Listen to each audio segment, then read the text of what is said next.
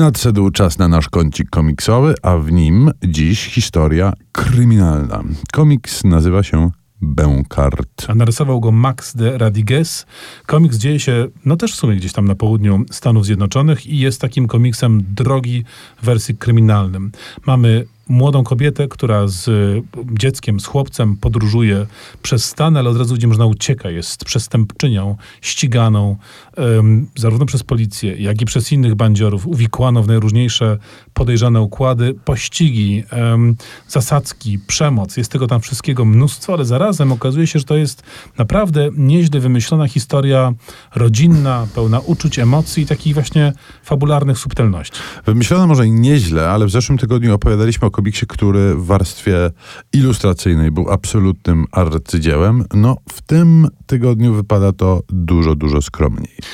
Tak, y, rzeczywiście miałem czasami takie wrażenie, że, że ten rysunek Radigesa jest takim rysunkiem tak prostym, że miejscami troszeczkę miałem poczucie wręcz może nieporadnym, ale to pewnie jest celowe, e, tak zakładam, ale w każdym razie ta bardzo prosta, e, bardzo mm, mm, symboliczna kreska świetnie się sprawdza w tej surowej e, konwencji. Wydaje mi się, że to wszystko bardzo dobrze się broni. Ten komiks jest bardzo niewielkiego rozmiaru, taki w sumie kwadracik nieduży, a zaskakująco dużo tam się w nim mieściło. Myślę, że spokojnie w sensie takiego filmu fabularnego, amerykańskiego starczyłoby do tego materiału z, z nawiązką.